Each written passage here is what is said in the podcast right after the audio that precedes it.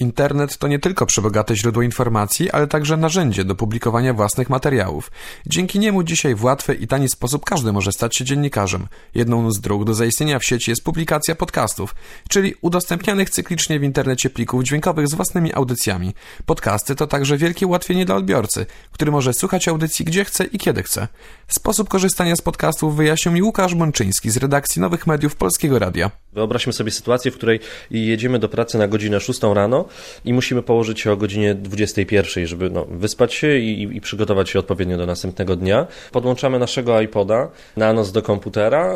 Yy, wtedy, kiedy my śpimy, nasze całe przenośne radio działa, czyli iPod, komputer, iTunes, podłączenie do internetu i nadawca, twórca podcastu. W momencie, w którym twórca opublikuje podcast na stronie internetowej, iTunes automatycznie poinformuje o tym naszego iPoda w takiej skróconej wersji i w momencie, w którym wstaniemy rano i będziemy wychodzili do pracy i odłączymy iPoda, to najnowsze podcasty z wieczoru bądź też z dnia poprzedniego będziemy mogli ich wysłuchać w drodze do pracy. Załóżmy, że pracujemy 200 km od miejsca zamieszkania.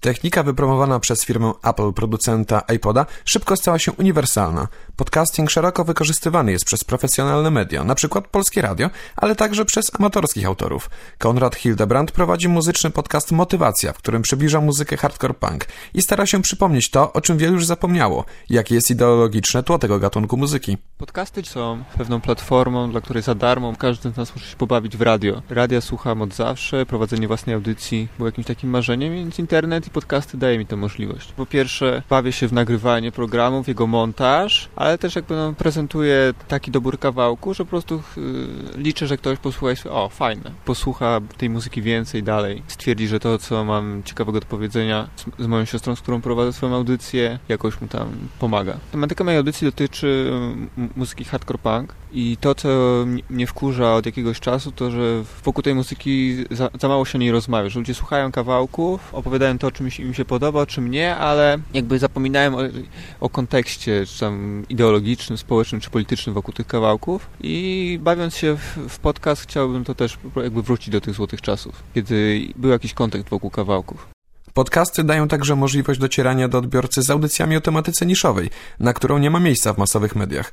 Bartosz Biedrzycki nagrywa razem z kolegą podcast B180, poświęcony komiksom o Batmanie. Podcast sam w sobie jest niszowy, natomiast jest to y, o tyle fajne, że w zasadzie bardzo niskim nakładem kosztów docieram do, no wbrew pozorom całkiem sporej grupy ludzi, bo kiedy zaczynałem rok temu jeszcze to, to jakiś taki kompletny kosmos. W ogóle get to w getcie w getcie, bo to specjalistyczny podcast o komiksach, więc nikt do tego nie docierał. Natomiast teraz statystyki są całkiem pokaźne. Wychodzi na to, że przynajmniej 50 osób to są tacy stali słuchacze, którzy wracają regularnie co tydzień, którzy słuchają tych naszych audycji. Plus jeszcze całkiem spora grupa ludzi, którzy ogólnie zainteresowani podcastingiem zawinęli się. Część z nich została, część gdzieś tam odpadła ze względu na tematykę. Pomijając takie ewidentne rozwiązania typu pisanie bloga, bloga, czy recenzowanie gdzieś na portalach, czy wypowiedzi na forum, to jest jedyny pomysł, żeby dotrzeć. Ponieważ taka tematyka mm, raz czy dwa gdzieś tam może się przewinąć w radiu przy okazji kolejnego filmu. Natomiast na co dzień jest to na tyle niszowa rzecz, że nikt się nie zdecyduje, żeby puścić coś takiego. Podcasty jako medium internetowe mają jeszcze jedną zaletę. Można je nie tylko ściągnąć z każdego zakątka globu, ale także można je nagrywać z osobami oddalonymi o setki kilometrów. Autorzy podcastu Swing, Konrad Okoński, Robert Sienicki i Karol Kalinowski mieszkają w różnych miastach. Oddalenie nie przeszkadza im jednak we wspólnym nagrywaniu audycji. Poprosiłem ich, by odpowiedzieli wspólnie na pytanie, dlaczego robią je razem.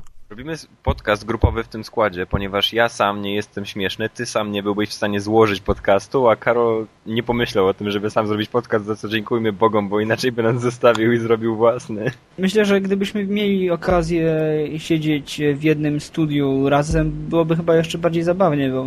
Moglibyśmy rzucać się poduszkami. Karol, tak? dlaczego robimy podcast grupowy w takim składzie, jakim robimy? Czysty przypadek. Byłem tak zwanym gościem audycji i mi się tak to wkręciło, że postanowiłem was przekupić i zostałem na zawsze, bo się wkręciłem i się spodobało. E, jak myślisz, czy to, że daleko od siebie mieszkamy i nagrywamy przez Skype'a wpływa jakoś dobrze albo źle na nasz podcast, na audycję? Ja myślę, że wpływa lepiej, bo spotykają się różne światy różne miejsca, różni ludzie, na jednej fali. Nie mam pojęcia, jakby było, gdybyśmy siedzieli w jednym miejscu i gdybyśmy pochodzili z innego miasta. Może byłoby tak samo w sumie. To ja ze swojej strony dodam, że dla mnie ten skład jest całkowicie idealny, zwłaszcza połączenie z Bele, bo ja mam pewne minimalne zapędy organizatorskie, a Bele ma totalne zapędy dysorganizacyjne, dlatego myślę, że świetnie się uzupełniamy. A do tego, kiedy doszedł jeszcze Karol, który potrafi się wpasować w każdą sytuację i ma zawsze do opowiedzenia świetne historie, to tworzy wybuchową mieszankę. Dzięki internetowi panowie ze Schwinga mogli nagrać swój mini podcast dotyczący ich współpracy, zamieścić go w internecie, a ja mogłem go ściągnąć i zamieścić w swojej audycji. Możliwości zarówno internetu, jak i podcastów są przeogromne. Ograniczeniem dla autorów jest tylko ich wyobraźnia.